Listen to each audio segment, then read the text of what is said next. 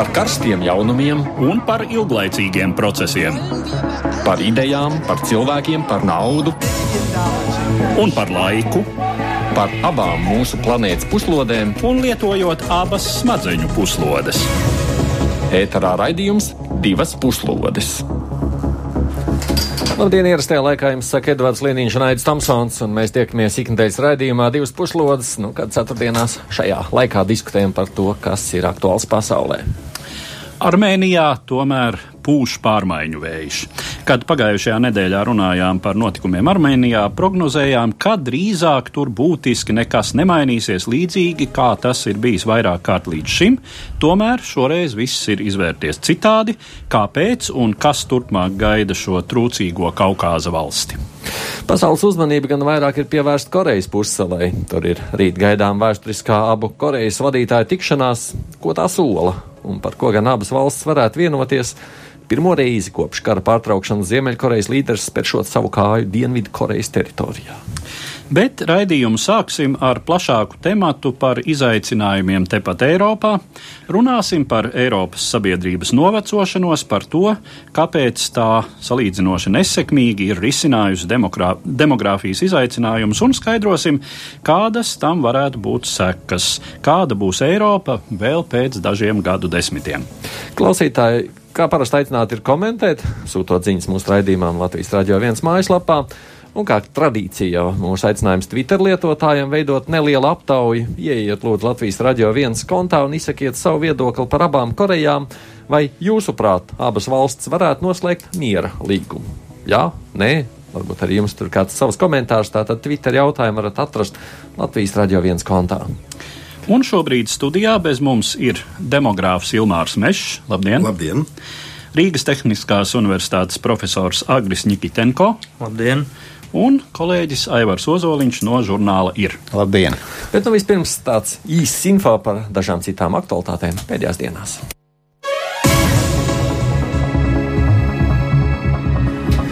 Irāna atkal bieži nonākusi ir ziņu virsrakstos. Šoreiz par to rūpējas ASV prezidents Donalds Trumps, kurš kritizē iepriekš panākto vienošanos kodolprogrammas lietā un pieprasa to pārskatīt. Šonadēļ viņa prasību negaidīt atbalstīja arī Francijas prezidents. Savukārt Irānas līderis ir paziņojis, ka līguma laušanas gadījumā atsāks darbu pie valsts kodolprogrammas. ASV draud ar jaunām sankcijām, ja līgums netiks pārskatīts, bet pārējo četru valstu vadītāji, kas arī parakstīja vēsturisko vienošanos, aicina to saglabāt. Irānas prezidents ir paziņojis, ka Donalds Trumps neko nesaprot no starptautiskās politikas, mudinot viņu nejaukties lietās, kurās viņš nav kompetents. Preses brīvība pasaulē saskars ar trīskāršiem draudiem - ASV prezidentu Donaldu Trumpu, Krieviju un Ķīnu, kas cenšas apklusināt visus neapmierinātos. Tā šonadēļ savā ikgadējā ziņojumā brīdina Startautiskā preses un vārda brīvības organizācija Reportieri bez robežām.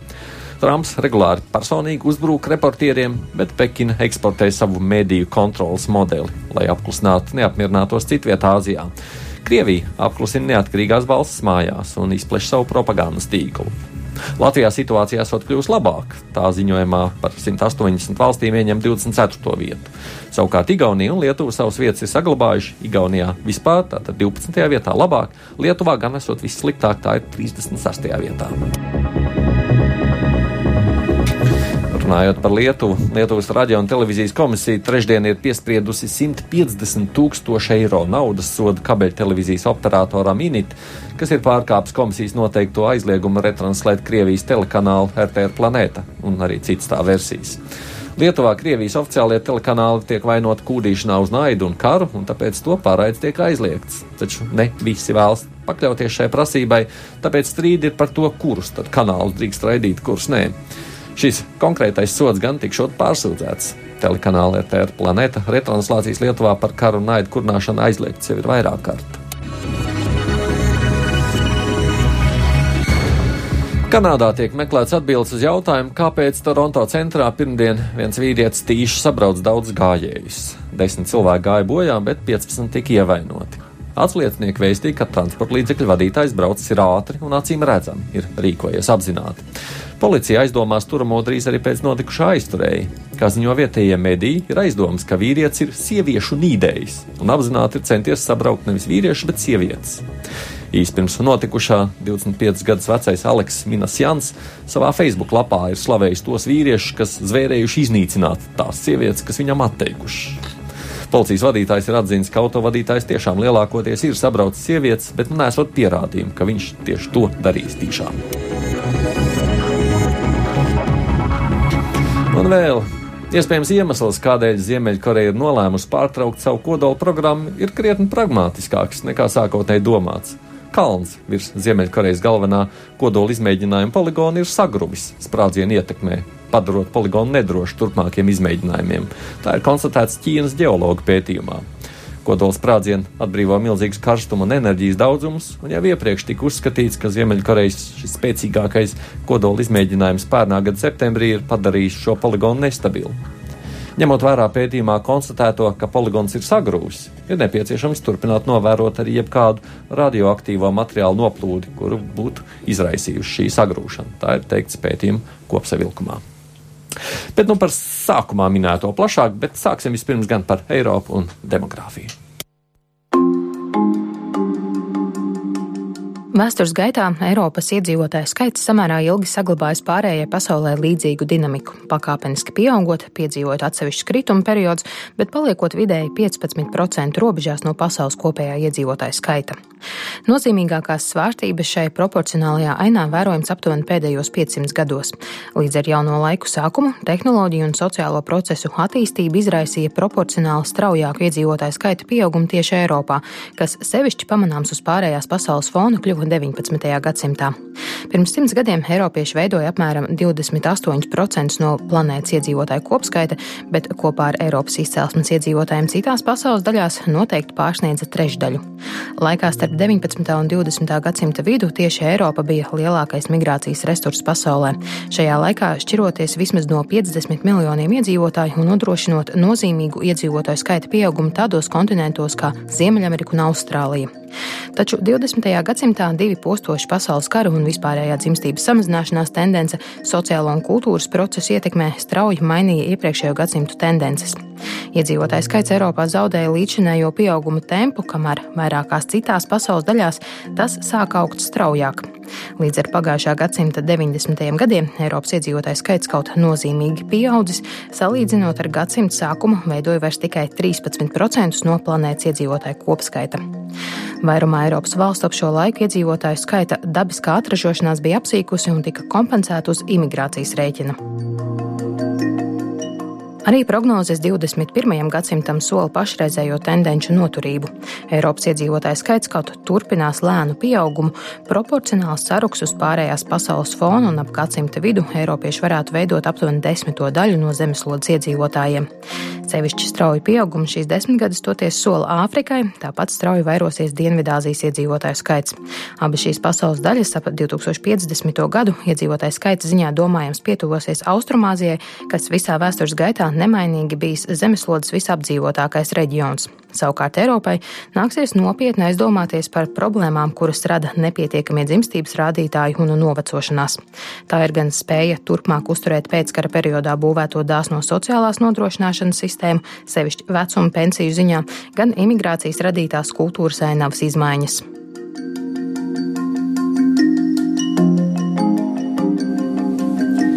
Es atgādinu, tātad kopā ar mums arī Ilmārs Mešs, Agres Nikitenko un Evers Ozoliņš. Man domājot par šo Eiropu, vispār šķiet, ka vēl pēc dažiem gadu desmitiem, nu tā nebūs vairs tādi etniskie vācieši vai francūži, kas to pārsvarā veidos, bet gan migranti. Man nav taisnība, Meškungs.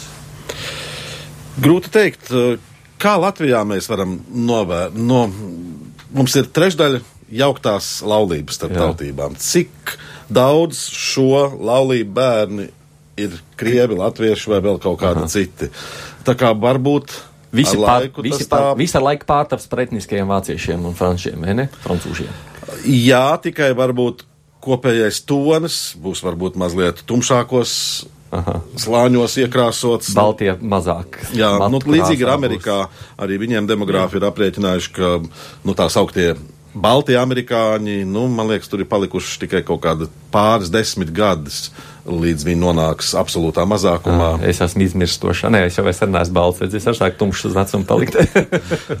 Edvard. Nu jā, eh, droši vien tā stingri etniskā ziņā eh, jau tie nebūs vācieši, bet kultūrāli, sociālā ziņā. Eh, tomēr nu, tā integrācija pagaidām vismaz vairāk vai mazāk notiek tā, ka lielākā daļa no šiem imigrantiem pieņem tās zemes kultūru, politisko kārtību. Nu, ādas krāsa jau Es domāju, mēs visi saprotam, nav tas izšķirošais. Bet jocīgi ir, ka tāda turpmāk, zin, kā pēc dažiem gadu desmitiem sēdēs vācieši dzers bet šito paga... ālu malni tikai. Ai, bet ne? no kurienes tāda statistika? Es, ne, nav, nav statistika, no, es nu, izsaku pieņēmumu. Ja es nekļūdos, varbūt Mežkungs labāk zina to, bet uh, vispār no 510 miljoniem Eiropas Savienības iedzīvotāju tikai apmēram 6 vai 7 procenti ir dzimuši ārpus Eiropas Savienības valstu robežām. Tātad kā tu iedomājies, ka tie 7% piedar, padarīs ne. visu Vāciju pēkšņi vai, vai Eiropu etniski citādāk? Nu? Nē, nu tur jau ir runa par to, ka ieceļošana jau notiek Eiropā apmēram pusgadsimtu. Diezgan intensīva ieceļošana, lai gan nu, te nu mums atkal ir jājautā, nu Turcija, vai tā nav Eiropas valsts lielā mērā? Ja mēs runājam par to pašu Osmaņu impēriju, kas ir radusies nu, labi uz Eiropas un Āzijas robežas, ja? bet uh, tā lielā mērā ir nācija, kas ir Eiropas orbītā uh, jau kopš tās tapšanas. Būtībā. Varbūt kā Krievija. Tāpat, jā, ļoti līdzīgi kā Krievija, tikai nu, ar to starpību, kā islāms, kā reliģija, kas nav uh, Eiropai tik raksturīgs kā kristietība, teiksim. Uh, un, uh, jā, droši vien, uh, teiksim, kaut kādas citas kultūras īpatnības, lai gan, uh, jā, uh, par to teiksim, cik Eiropā ir eiropieši un priekšstats par lūk, zilacaino un blondo eiropieti, nu, tas ir uh, ļoti apšaubāms. Agri, bet kā jūs redzat, kāda nākotne varētu būt? Nu, sāku ar tādu zīmējumu ainu. Nu, man ir grūti pateikt no etniskā viedokļa. Nē, esmu ne, ne demogrāfs, ne, ne, ne politologs, ne tam līdzīgi. Man ir grūti pateikt to, ka lietas mainās neapšaubāmi teiksim, to, ka process virzās uz kaut kurienu, tas arī neapšaubām, vai ne? Lūk, vai tas būs labāk vai sliktāk. Nu, vienmēr mums, kas ir šeit, liekas, ka kaut kas nāka, nākotnē būs sliktāk, bet man liekas, tas ir jebkurā paudzē. Tas tā ir. Jo Līdz faktiski to... gal galā šī jaukšanās, ja mēs godīgi paskatāmies vistīrāko latviešu DNS un paskatīsimies nevis desmit tūkstošu gadu atpakaļ, kā tas, kamēr mēs esam, nu, pa 5 vai 10 tūkstoši, kad ir atkāpies ledājs un Latvijas teritorijā iespējams bijis ienākt dzīvot, bet 100 tūkstoši gadu atpakaļ, kā, kā bieži rēķina. Nu, tur mēs taču no. esam kaut kad, it kā, nu, tā ir zinātnieku, kaut kur no Ziemeļindijas, kaut kur, es nezinu, drīzāk jau caur Turciju, vai, vai varbūt kaut, nu, kaut nu, Dienvid, kur. Dienvidkrievijas stepēm. Jā, kaut kur variants. tā līdz šejienē nonākuši.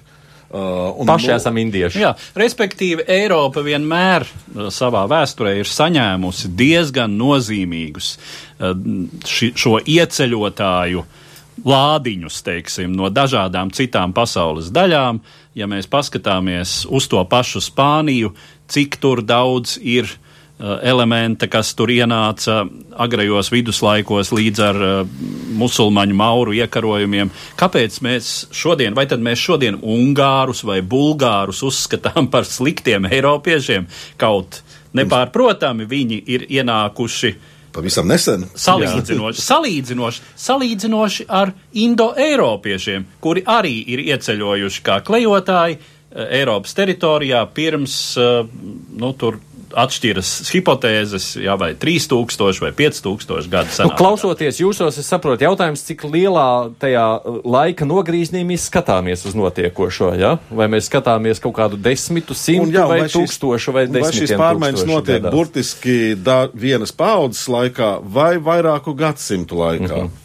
Piemēram, minētajā Vācijā vai, vai Latvijā, vai jebkurā citā valstī. Citur tas notiek straujāk, citur tas, acīm redzot, notiks mazāk strauji. Bet tev vispār nepatīk mans jautājums, ja es saprotu, Aivar, kas man nepatīk, ka, ka tu nesniedz nekādu statistiku. Tam apgalvojumam, ka visa Eiropa paliks kaut kāda, nu, es nezinu, aziātiska vai kāda. Jo es saku, no Eiropas Savienības iedzīvotājiem tikai ap, līdz 7% ir dzimuši ārpus Eiropas Savienības valstu robežām. Nē, nu tas ir skaidrs, viņi jau šeit ir ieradušies pirms pēdējo 550 gadu laikā, un jau šeit jau ir piedzimuši, vai neviena liela Jā. daļa jau no tā, ko mēs saucam šodien par eiropiešiem, kas vēl pirms pāris paudzēm nebija. Nu, Ja mēs runājam par? Vāciju, tad tas procents ir divreiz lielāks, un tad Vācijā, arī jā. šos vairākus, vairākas paudzes gados, nu, tad, ja ir valsts, kas rēķina arī pirmās un otrās paudzes iebraucējus, nu, Dānija, piemēram, uh, un uh, tad sanāk, ka tas procents, nu, stingri uz trešdaļu iet. Nu, tā kā mm -hmm. tur tas pieaugums neapšaubāmi ir. Tur, Uh, protams, ka, ja mēs rēķinām Eiropā arī visu Bulgāriju, Rumāniju, Ungāriju, kur diez vai mainīsies būtiski etniskais sastāvs, redzēs, kāds tas būs Baltijā, Polijā arī diez vai.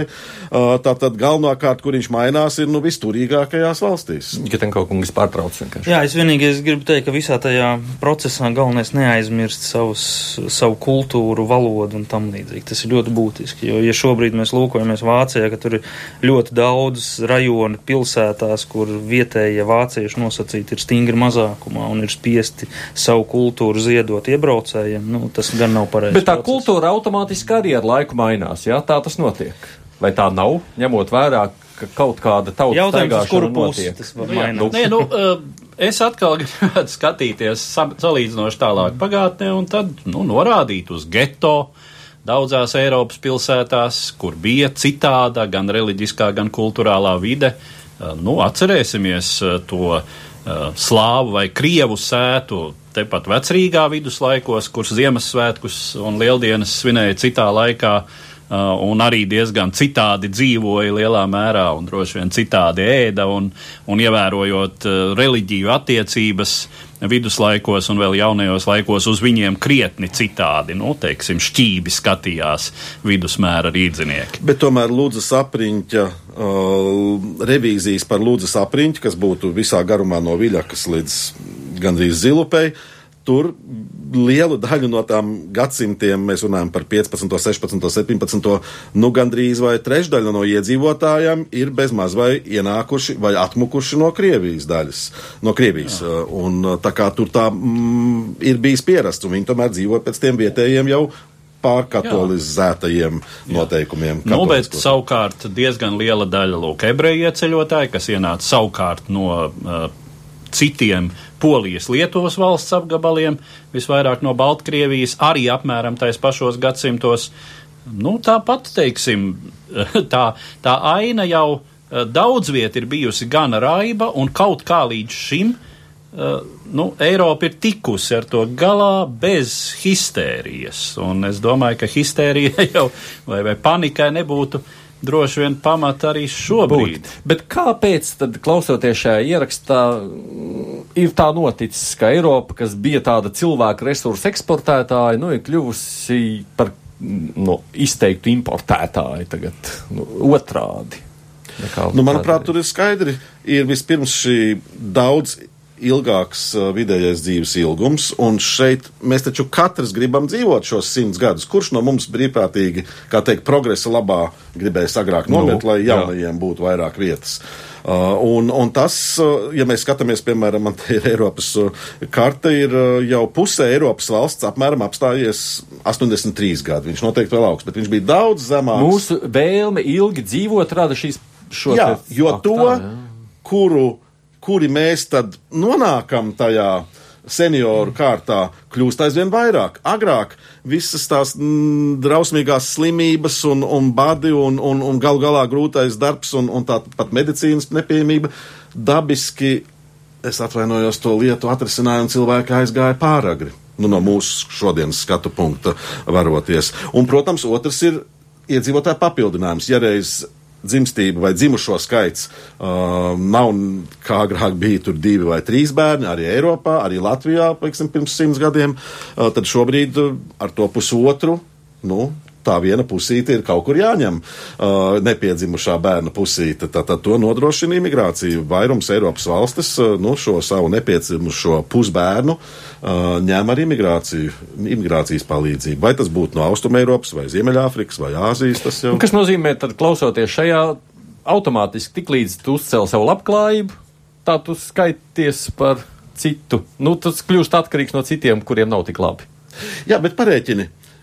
Vai vai katram no mums nav tiesības dzīvot, uh, nu, varbūt visturīgākajā vai vietā, kur būtu visplašākās uh, mūsu personas, nu, kā teikt, uh, labvēlīgākie nosacījumi, un uh, kuriem jau tas ir pietiekoši augsts kā Eiropā. Mums tas liekas labi. Mēs tad sēžam uz savām tradīcijām un esam šeit, tāpēc, ka mums ir tās senās tradīcijas. Bet ja mums tādu nebūtu, ja mēs ar tevi Aidi būtu dzimuši izsūtījumā Sibīrijā, es domāju, ja ne mēs, tad mūsu bērni vai visdrīzāk jau mūsu vecāki tomēr uh, at muka apakaļ mm. uz tik tālu uz Eiropu, cik viņi varēja. Uh, un uh, tā kā tas arī tiem tam pārējiem četrām piekdaļām vai nu jau deviņām desmitdaļām, kas nedzīvo tādā labklājībā kā Eiropā.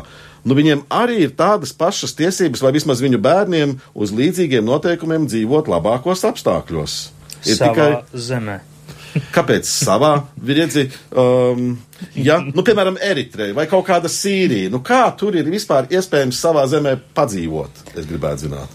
Jā, un teiksim, skatoties no vēstures perspektīvas. Bet vai, vai Eiropa ir jāuzņemas atbildība par to? Tas ir cits, pilnīgi Tas ir cits jautājums. morāli ētisks jautājums, bet Ne tā kā tikai, daudzām ne Eiropas tikai. valstīm ir šī nepieciešamība pēc papildus cilvēkiem, Tas ir tad viņi to pieņēmums. tā Tas ir atrit. pieņēmums. Nu, bet vismaz uh, sabiedrības rīkojās tā, ka ņem pietiekoši daudz. Nu, piemēram, šis slavenais viens miljons papildus um, uh, bēgļu patvēru meklētāji, kas pirms gada pusi, nu jau divi laikam, jā, tātad papildus parastai imigrācijai ieceļo Eiropā. Nu, kur viņi, vai tad viņa ir projām devusies? Viņi ir veiksmīgi, vairāk vai mazāk kaut kur jau atradusi, uh, kur, kurš dzīvo un, un, un Es cerams, lielā arī mērā, ja, ja jūs tādā politiskā, nu tas, kā es to redzu no savu zemā visnotaļ zvanu torni, tad es to redzu, ka tas ir vienkārši risinājums sarežģītai problēmai.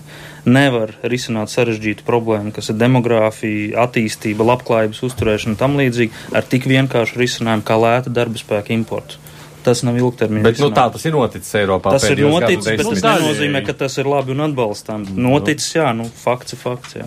Un Jā, jā, tas nu- nu... nav vienu reizi vien noticis, protams. Ja, bet ja vēl Mhm. pabeidzot šo sadaļu, runājot, kā tad skatāmies uz to Eiropas vietu nākotnē, jo nu, tas, ko tad tajā skaitliskajā mēs redzam, ja kādreiz Eiropa bija 27 vai cik tur tie procenti, jā, iedzīvotāji no pasaules skaita, tūlīt būs tikai 10%, tātad Eiropas loma starptautiskajā arī politikā. Un tas vēl kā arī ekonomika. Mazināsies. Un ekonomikai līdz nāk arī varbūt ietekme.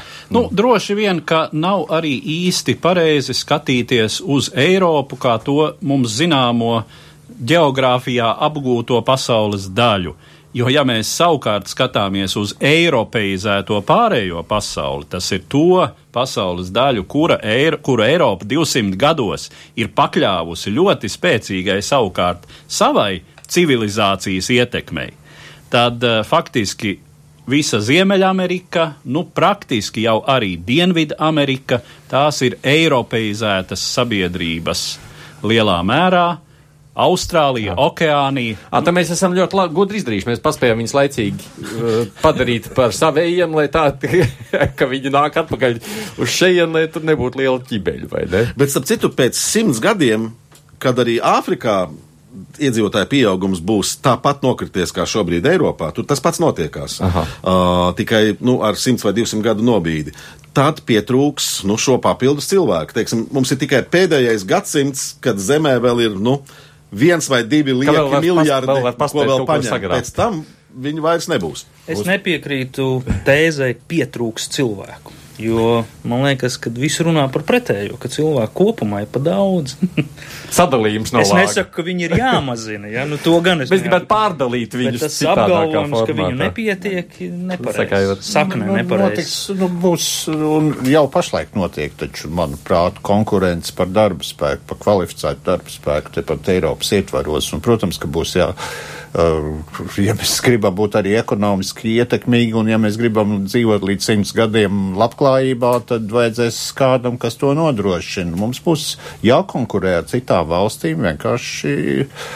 Jā, importējot vai ļaujot atbraukt uh, citiem cilvēkiem šeit, lai, lai, lai strādā. Ja viņi, at, ja, viņi, ja, viņi, ja viņi ir mieru ievērot uh, mūsu satversmi un uh, sat, kopdzīves noteikums, tad tā tas arī notiks. Tad tas vienīgais, vienīgais ceļš, kurā mēs būs, kur Tas mēs būs lēts risinājums sarežģītai problēmai. Nu, no tāļa es arī saņēmu kritiku. Es lasu, ka man ir ļoti šaurs skatu punkts ar to man pirmo uzdot vai jautājumu, sakot tādā, tādā veidā, kā es to uzdevu. Bet īstenībā, gribot jau pāriet uz pārējo nākošo tematisko sadaļu, Korejā arī ir problēmas ar dzimstību, kurš zina. Ziemeļkorejā, ne Dienvidkorejā, jā, par Ziemeļkoreju nav tā. Nav laikam tā. Daudz Ne, Dienvidkorejā ir, ir diezgan Arī jau liels sāk. Jā, nu ne tik traki kā Japānā, bet uz to pusi iet, jā. Nu, mēs par Ziemeļkoreju arī tagad. Viņiem par- ļoti noderētu šī apvienošanās ar svaigām Jā. jaunām asinīm. Jā, tā ir tā Austrumāzija, kurai prognozē palikšanu nākamajos 50 gados apmēram tais pašos rādītājos, kādi tur jau ir šobrīd, bez pieauguma. praktiski. Nu, tas Un vēl nav tas iebraucējiem. trakākais. Par Koreju tad arī turpinām. Kad pirms nepilniem 65 gadiem noslēdzās Korejas karš, starp abām karojošajām pusēm tika noslēgts tikai pamieru līgums, un teorētiski Dienvidkoreja un Ziemeļkoreja joprojām ir kara stāvoklī. Arī praktiski Korejas pusēla ir viens no militarizētākajiem planētas reģioniem ar augstu konflikta potenciālu. Tāpēc paziņojumi pirms rītdien gaidāmās Ziemeļkorejas līdera Kima Čenuna un Dienvidkorejas prezidenta Muna Džeina tikšanās, kas sarunās varētu apspriest mierlīguma noslēgšanu, izraisījusi dzīvu starptautisku interesi. Ja starp abām Korejām patiešām sāktos sarunas par mierlīgumu parakstīšanu, tas būtu nozīmīgs pavērsiens līdzinējā pusēlas politikā. Tomēr pasaules presē izskan skeptiski viedokļi. Miera noslēgšana nozīmētu abu valstu savstarpēju atzīšanu, un tas būtu pretrunā ar Ziemeļkorejā valdošās Korejas strādnieku partijas politisko konceptu, kas paredz cīņu par valsts apvienošanu uz ziemeļos pastāvošās tās saucamās tautas demokrātijas bāzes.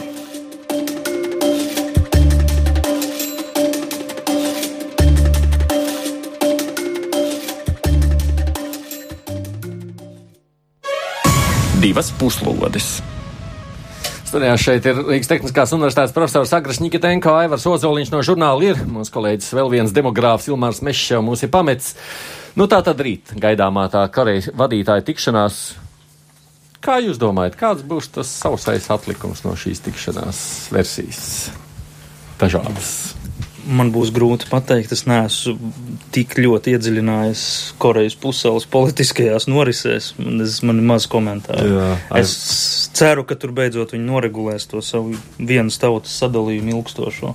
O, nē, to viņi nenoregulēs. Tas ir pilnīgi skaidrs. Un to neviens arī nevēlas. Ne, es domāju, vismaz. Neviens nevēlas arī, ja? Nē, Dienvidkoreja arī nekādas ilūzijas nelolo par to, ka tur kaut kāda apvienošanās varētu notikt tuvākā vienas vai divu pauģu laikā. Vismaz noteikti nē. Tas ir pilnīgi divas dažādas valstis ar dažādu sistēmu. Sistēmas atšķirības ir jau vairāk nekā 70 gadus, turklāt tik krasas, ka mēs pat brīžiem, nu, mēs pat īsti nevaram iedomāties, ar ko mums ir darīšana. Ziemeļkorejā. Ja runā pat ar, Ziemeļko, ar Dienvidkorejas diplomātiem, kuri regulāri satiek, nu, piemēram, viņi tikušies Olimpiskajās spēlēs ar tiem Ziemeļkorejiešiem, kas tur bija atbraukuši vai kuriem sarunās nākas pa diplomātiskiem kanāliem kontakti jau notiek. Viņi saka, viņi nesaprot ne tikai to, kā viņi domā patiesībā, bet viņi pat lāgā valodu vairs nesaprot. Kaut gan tā ir tā pati korejiešu valoda. Nu, tur mums, mums ir grūti iedomāties vienkārši, cik ļoti totalitāra tā sistēma ir. Tā ir unikāla valsts, kas unikāli ilgi bijusi pilnīgi izolēta no pārējās pasaules un kurā, kā daži saka, valda nāvis kults.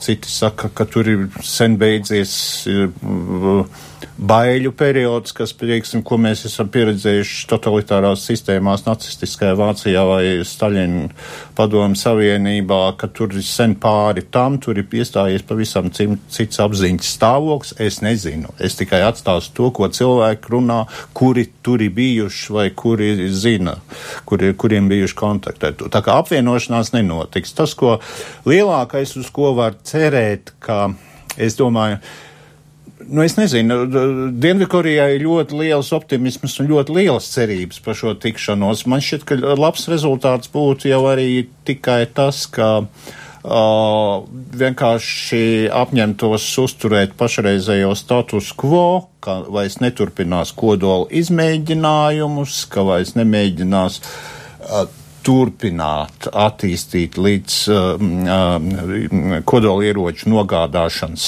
uh, līdzekļus, proti modernas raķetes, iezaudēs visu, kā ir, un uh, apmaiņā pret to Ziemeļkoreja dabūs mazliet kaut kāds atvieglojums, kaut kāds sankciju atvieglojums, lai var vismaz kaut kādu degvielu vairāk iepirkt. Edvard, ko tu gaidi? Es domāju, ka nu, tāds nosacīts modelis, paralēli, kur varētu meklēt paralēles, ir uh, pagājušā gadsimta Austrumvācijas un Rietumvācijas attiecības, kuras arī bija stipri atšķirīgas. Protams, Austrumvācija kā totalitāra un, uh, kā mēs zinām, drošības struktūru visvairāk kontrolētā nācija iespējams pasaules vēsturē, tātad uh, štāzija uh, kuram bija tur ievērojams procents vispār no iedzīvotāju skaita, vai nu vismaz reizi mūžā ziņojuši šķiet 8% vai pat. Jā. Un, Tur arī pamazām notika tāda zināma attiecība atlaišanās no totāla sasaluma, kad nu, tie bija pamatā kultūras sakari. Pieļauta, pieļauta savstarpēja viesošanās. Nu, teiksim, es domāju, varētu būt tā, ka kādi ziemeļkorejieši varētu ceļot ar laiku pie radiniekiem uz Dienvidu Koreju, aizvest mājās kādu tehniku. Tas teiksim. ir riskanti jau. Nē, nē, nu, tas nē, ir, protams, riskanti, riskanti bet, lai gan, jā, nu. Ja es, ja es drīkstētu iebilst, es burtiski pagā, pagājušajā nedēļā runāju ar vienu korejiešu, Dienvidu Korejas diplomātu. Es viņam mēģināju šo analoģiju pieminēt, nu, Austrumvācija, Rietumvācija, viņš teica, forget it. Nu, nē, ne tuvu, tas pilnīgi nav iedomājams. Tā, tā atšķirība, tā, tā, tā plaisa versija tāda, ka tāda analoģija pilnīgi nestrādā. Bet Austrumvācija var mazliet tuvināties. Ne, Austrumvācija mazliet, es nezinu, tur jau tā lieta, ka ja cilvēki, ja pat diplomāti nesaprot, kādā valodā tie cilvēki otrajā pusē runā, tad uh, tuvināties pa ko? Kādu tehniku vest par, par, par um, Ziemeļkorejā paredzēts nāvis sots par vienkārši Dienvidkorejas ziepju operu ieviešanu, ja? Kaut, kaut kā. Nu, varbūt čips, to varētu nu, atcelt. Es nedomāju, ka tas lielā mērā. Nu, jā palīdzētu. Nē, nē, es domāju, ka nu, maksimālais mērķis te noteikti nav. Starptautiski neviens reāli nedomā, ka tur varētu notikt kaut kāda apvienošanās. Maksimālā programma varētu būt um, Korejas pussalas. Um, uh, kā no kodolieročiem brīvas zonas, nu, kā tā, tā mm. lietot sveš, svešvārdu denuklearizācija. Nerunā svešvārdu, nevar izmantot. Jā, jā bet, bet es nedomāju, ka to arī būs, būtu reāli sasniegt, jo Kims jau nekādā veidā negribēs pilnībā atteikties no, no, no, no savas kodola pro, programmas. Es domāju, pilnībā. Viņš ir uh, piekritis moratorijam vai uh, sākot no pagājušā gada beigām kodola izmēģinājumu raķešu izmēģinājumi vairs nav bijuši, vai tas tāpēc, ka kalns tur sabrucis, kā mēs jā, jā. dzirdējām? Bet, vai... varbūt tas ir ļoti labi, pragmātiski. Vienkārši, nezinu, nav tik vienkārši uzbūvēt nākošo kalnu, līdz ar to. Varbūt, jā, varbūt no... viņam šķiet, ka viņš tagad ir sasniedzis jau tādu līmeni. Galu galā jūs zinat to, ka viņš ir uzslēdzis eh, pieminekļus uh, uh, savā valstī, pieminekļus raķetēm kur, kuras viņi izmēģināja. Vai, nu, pagaid, mums arī padomju savienībā bija lidmašīnu pieminekļi nav, nē, un visādi nē, tādi. Nē, tie bija vienkārši simboli. Šeit ir pieminekļi konkrētām raķetēm, kuras, kuras bija palaistas. Saki, tur gribēju ko teikt. Nu, jā, es gribēju teikt, ka tas, ko es esmu lasījis dažos analītiskos rakstos, ka šī Kīmu dinastijas vara kas ir lielā mērā dinastijas vara, jo nu, trīs, tā sacīt, trīs paudzēs tur pie varas ir viena ģimene. Uh, un man īsti nav priekšstats, kā tas, uh, kā tas tur notiek un, un, un kādā, uh, kādā tradīcijā balstīts. Es varu tikai minēt, bet ka šī vara lielā mērā, šīs varas leģitimizācija lielā mērā arī balstās tai pretstāvē un tajā, ka nu, šie vadoņi mūs ved cīņā, pastāvīgā cīņā par to, lai visa Koreja reiz kļūtu tāda kā mēs, tātad pareiza, sociālistiska uh, partijas ideāliem atbilstoši. Man kolēģi pirms raidījuma ir sazvanīja politologu Māru Anžānu, kā viņš vērtē šo gaidāmo tikšanos paklausāmies. Vai mums ir pamats cerēt, ka abu Koreju samits varētu beigties arī ar īstu miera līgumu? Iespējams, jā, tas samits var beigties ar paziņojumu par miera līgumu, bet tas jau praksē neko vēl nenozīmēs, jo parakstīt var daudz ko situācija ar papīra parakstīšanu vēl neatrisināsies. Kā jums šķiet, tā realitāte ir iespējams, ka Ziemeļkoreja, piemēram, varētu atteikties no savas kodola programmas un kaut kā šādā veidā mainīties? Nu, ka nē, ka Ziemeļkoreja neatteiksies no savas kodola programmas. Ir Kims līderis ir paziņojis par to, ka tiek pārtraukti kodola izmēģinājumi un raķešu izmēģinājumi. Uh, Tas šodien vēl parādījās versija to, ka Kauns kodolu izmēģināja poligona varētu būt sabrucis vismaz daļēji. Tad to varētu būt pat uh, reāls problēmas viņiem veikt izmēģinājumus tālāk. Un uh, tajā pat laikā arī izskatās, ka Ziemeļkoreja sasniegusi pietiekam labas spējas, lai arī neveikt izmēģinājumus tālāk. Bet to tas neko daudz nenozīmē.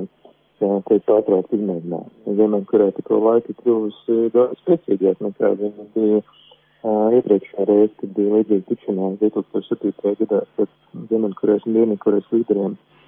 Vai tas, ka Ziemeļkoreja ir kļuvusi stiprāka, ka ir šis kodola arsenāls, ka viņiem ir, nu, tāds, es nezinu, nopelnījuši respektu no pārējās pasaules vai bailes no pārējās pasaules, ka tas tā kā devis pašapziņu Ziemeļkorejai un tās līderiem iet un runāt gan ar Dienvidkoreju, gan ar Ķīnu, Japānu, ASV un tā tālāk? Nu, noteikti kodola varas status ir devis pašapziņu, bet uh, ticamāks iemesls noteikti ir ekonomiskās sankcijas un ASV draud par iespēju militāru triecienu pagājušajā gadā.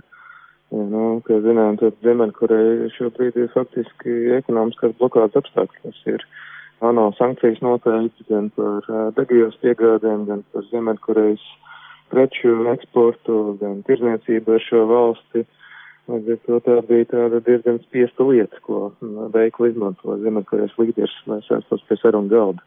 Šobrīd Ziemeļkoreja ir kodola ieroču ziņā spēcīgāk kā jebkad, un vienlaikus pavērs iespēju arī vismaz daļai atcelt ekonomiskās sankcijas, uz ko arī viņi strādās. Vai šo samitu ietekmē gan gaidāmās abu Koreju samiti, gan arī pēc tam tikšanās, kas ir plānots ar Ķīnas, Japānas, ASV līderiem, vai domājat, ka tas varētu arī mainīt šīs sankcijas un kļūt pārējai pasaulē pielaidīgākai pret Ziemeļkorejas režīmu? Tas ir tas, ko Ziemeļkoreja mēģinās noteikti samazināt sankciju apjomu. Un droši vien, ka būs valsts kā Ķīna un Krievija, kas atbalstīs kādus vidusceļus. Bet no Ziemeļkoreja noteikti prasīs pilnīgu Korejas pussalas atbruņošanos, restīvi, kas ietvert varētu arī ASV spēku aiziešanu no Dienvidkorejas, kas savukārt nebūs pieņemami ne pašiem ASV, ne Dienvidkorejai, ne arī Japānai. Kā jums šķiet, vai vispār ir vērts runāt par kaut kādu atpūsni Ziemeļkorejas attiecībās ar pārējo pasauli un varbūt, es nezinu, tādu režīma atmaikšanu? Nu, domāju, tā būs tikai maska atmaikšana, jā, nu, tas režīms joprojām Ziemeļkorejas viens no despotiskākajiem pasaulē. Skaidrs, ka viņi e, mēģinās arī kādas reformas veikt, jau līdz šim ir veikts, lai nedaudz modernizētu valsti. Un, nu, nevaram sagaidīt, ka būs tāda pēkšņa atvēršanās un, un izmaiņas šajā valstī.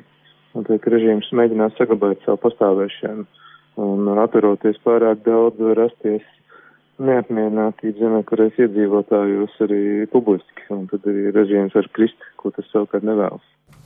Tā, Mārzanžāns politologs, kāpēc vispār šīs nu, tāda atmaikšana notiek publiskā formātā. Jūsu versija, kas aiz tā viss stāv?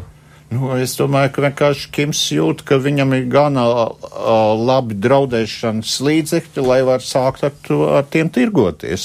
Nu, mums jārēķinās. Uh, Bet viņš īstenībā ir dabūjis pasties. Nevi, kurš grib tikties ar Donaldu Trumpu? Tieši tā, jā, tieši tā, tieši tā. Viņš arī to, viņš to ir panācis. Viņš, viņš kaut ko dabū. Redzējām, jā. kā viss uh, uh, mēdī, ieskaitot, es nezinu, vai radio arī, bet mūsu televīzija arī jūsmoja par to, kā tur uh, tas tur uh, atbalstītāji olimpiādē, jā, jā, jā. korejieši sinhroni tur uh, dancoja un dziedāja. Vienkārši es uz to skatīt, skatīdamies ar šausmām novēlēju viņam, lai viņi viņam tas solis nenojūgt, tur dziedot, jo, ja nojūgs, tad uzreiz visu ģimeni iznīcinās iespējams viņiem Ziemeļkorejā. Bet, eh, nu jā, un, un, un, un gribās jau, lai ir labi. Saprot, nu, politiķiem jau var gribās, lai ir labāk. Nu, bet skatoties no, skatīsimies pragmatiski no Kima viedokļa. Nu, ko viņam vajag? Nu, viņam vajag mazliet vairāk naudu. Un lai nekas neapdraud viņa varu.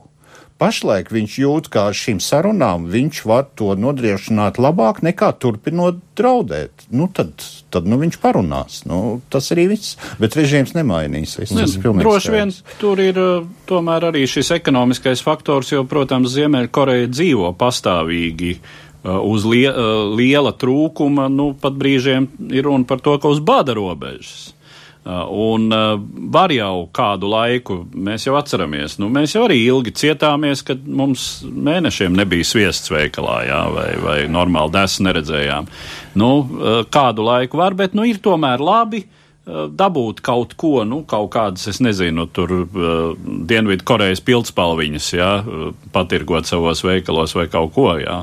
Um, nu, un, un tīri līdzšinējos gados nu, šādā veidā Ziemeļkoreja ir ietirgojusi arī humanitāro, humāno palīdzību. Mm. Es ieteiktu noskatīties filmu mm, Saules staros, ko Vitālijas Manskis uzņēma pirms diviem gadiem.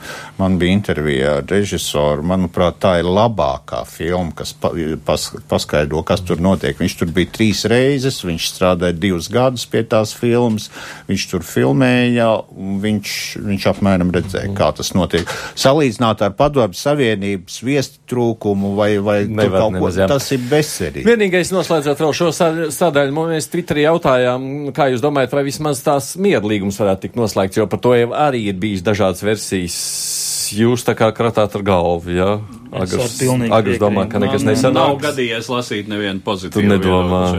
Tur, tur, nu, klau, es reiz piebildīšu, klausītāji puse domā, ka jā, puse, ka nē. Es domāju, ka miera līgums, nu tas ir formāli, nu labi, nu karš viņam tehniski joprojām turpinās kopš 53. gada, bet, nu ko paredzētu tāds papīrs, tāds līgums? Tam vajadzētu klāt veselu paketi ar kaut kādiem konkrētiem pasākumiem, un tas nebūs. Tā kā es nezinu, ko viņi tur parakstīs, bet, nu, nu kara nebūs, es ceru, un tas arī būs tas labākais rezultāts. Eh, nē, nu tas, par ko ir runa, ka šāds miera līgums nozīmē appusēju atzīšanu. Nu jā. Bet Dienvidu Korejas atzīšana no Ziemeļkorejas puses ir ļoti apšaubāma, ja visās partijas programmās ir rakstīts, mēs cīnāmies par visas korejiešu tautas apvienošanu mūsu partijas vadībā. Nu, labi, partijas programmas var pārādīt. Es gribu vēl atgriezties šodien pie temata, par kur mēs arī aizsākām savukārt pagājušā nedēļā tiem viesiem, kas bija šeit studijā. Tātad notikumi, kur turpinājuši attīstīties, runājot par Armēniju.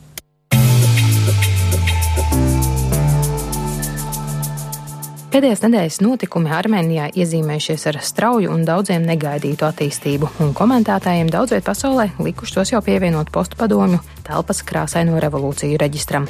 Ja pagājušās nedēļas vidū šķita, ka bijušajam prezidentam un jaunizceptajam premjeram Seržam Sarksjanam ar parlamentu vairākumu prezidenta Armēna Sarkisjana atbalstu izdosies saglabāt vairs pozīcijas par spīti masu protestiem, tad pirmdiena atnesa ziņas, ka premjers atkāpies no amata.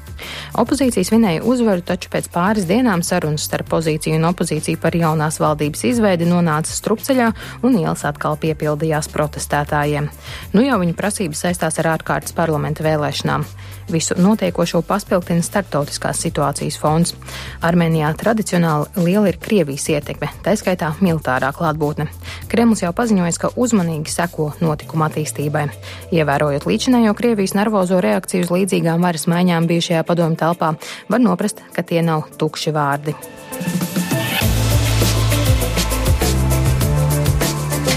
Jūsuprāt, ir tās bažas, ka Krievija varētu iejaukties visā šajā procesā? Pagaidām nav. nav. Uh, pagaidām Krievijas ieskatā nekāda krāsaina revolūcija vēl nav notikusi, jo nu, tur ir divi priekšnoteikumi. Viens ir jānomaina Kremlim labvēlīga politiskā elite, no Kremļa atkarīgā politiskā elite. Otrs jāmaina valsts uh, ģeopolitiskā orientācija uz, proti uz rietumiem, uz Eiropas Savienības pusi, uz NATO. Nav noticis pat pirmais vēl joprojām. Tur ir uh, Karapiķāns, kas pašlaik ir uh, Sarksjānā vietā premjerministra pienākumu izpildītājs. Viņš ir no tās pašas partijas, no tās pašas uh, valdošās mafijas, teiksim, kas cieši saistīta ar Krieviju. Vai būs ārkārtas vēlēšanas? Acīm redzot būs. Jā, izsnās, būs. Acīm redzot būs, kas uzvarēs, nu, to tad redzēsim. Bet, uh, pasakot šo pirmo, jāpasaka pa otro svarīgāko punktu, pa ģeopolitiskās orientācijas maiņu, tad tāda Armēnijā nenotiks. Krievija. Krievija armēņiem pa nelaimi ir vienīgais viņu drošības garants. To mēs te pagājušajā reizē runājām, jā, par to arī jau šobrīd opozīcija faktiski ir pateikusi, ka viņi, no nu jā, tā attiecības jau ar Krieviju nemainīsies tajā ziņā. Edvard. Es piekrītu, jā, jo Krievijas ietekme tur nu, ir tik stabila ar nozīmīgām karabāzēm, ka, un patiešām no Armēnijai nav izvēles, ievērojot to, kā savu militāro potenciālu ir kāpinājusi Azerbaidžāna pēdējās desmitgadēs, kurai atšķirībā no Armēnijas ir finanšu resursi šai vajadzībai, un kā faktiski tur nu ir eh, kar, kara situācija starp Armēniju un Azerbaidžānu krietni reālāka nekā starp uh, divām Korejām. Jo tur sadursmes uh, Kalnu Karabahas rajonā notiek regulāri, un, manuprāt, pēdējo mēnešu laikā tur ir bijušas apšaudes. Un Azerbaidžāna ir vairāk kārt uzsvērusi arī pēdējā laikā, ka tās mērķis ir atgūt šo teritoriju, kur šobrīd kontrolē mm, lielā mērā nu, teiksim, neiekļaujot uh, oficiāli Armēnijas teritorijā, bet Armēnijas atbalstīti armēņi uh, militāri formējumi, nu, tad uh, Mm. Tad Krievija, Krievija, Armēnija ir tas, eh, jā, tas drošības garants, kas, kas to glābi. Nikitenkalkungs, ko jūs domājat par to, kas notiek Armēnijā?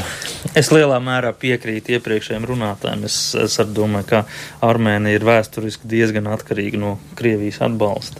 Es gribētu arī pozitīvi mazliet, lai nav tik drūmi, lai neizklausās. Nē, nu, pats par sevi jau tas nekas nav. Nu, Redzēt, Krievija kā Krievija. Paskatīsimies no šādā leņķī. Pat no visa tās no, no, no tās ģeopolitiskās bezizējas, visā tā bezizējā, ja, atkarībā, pilnīgā atkarībā no Krievijas.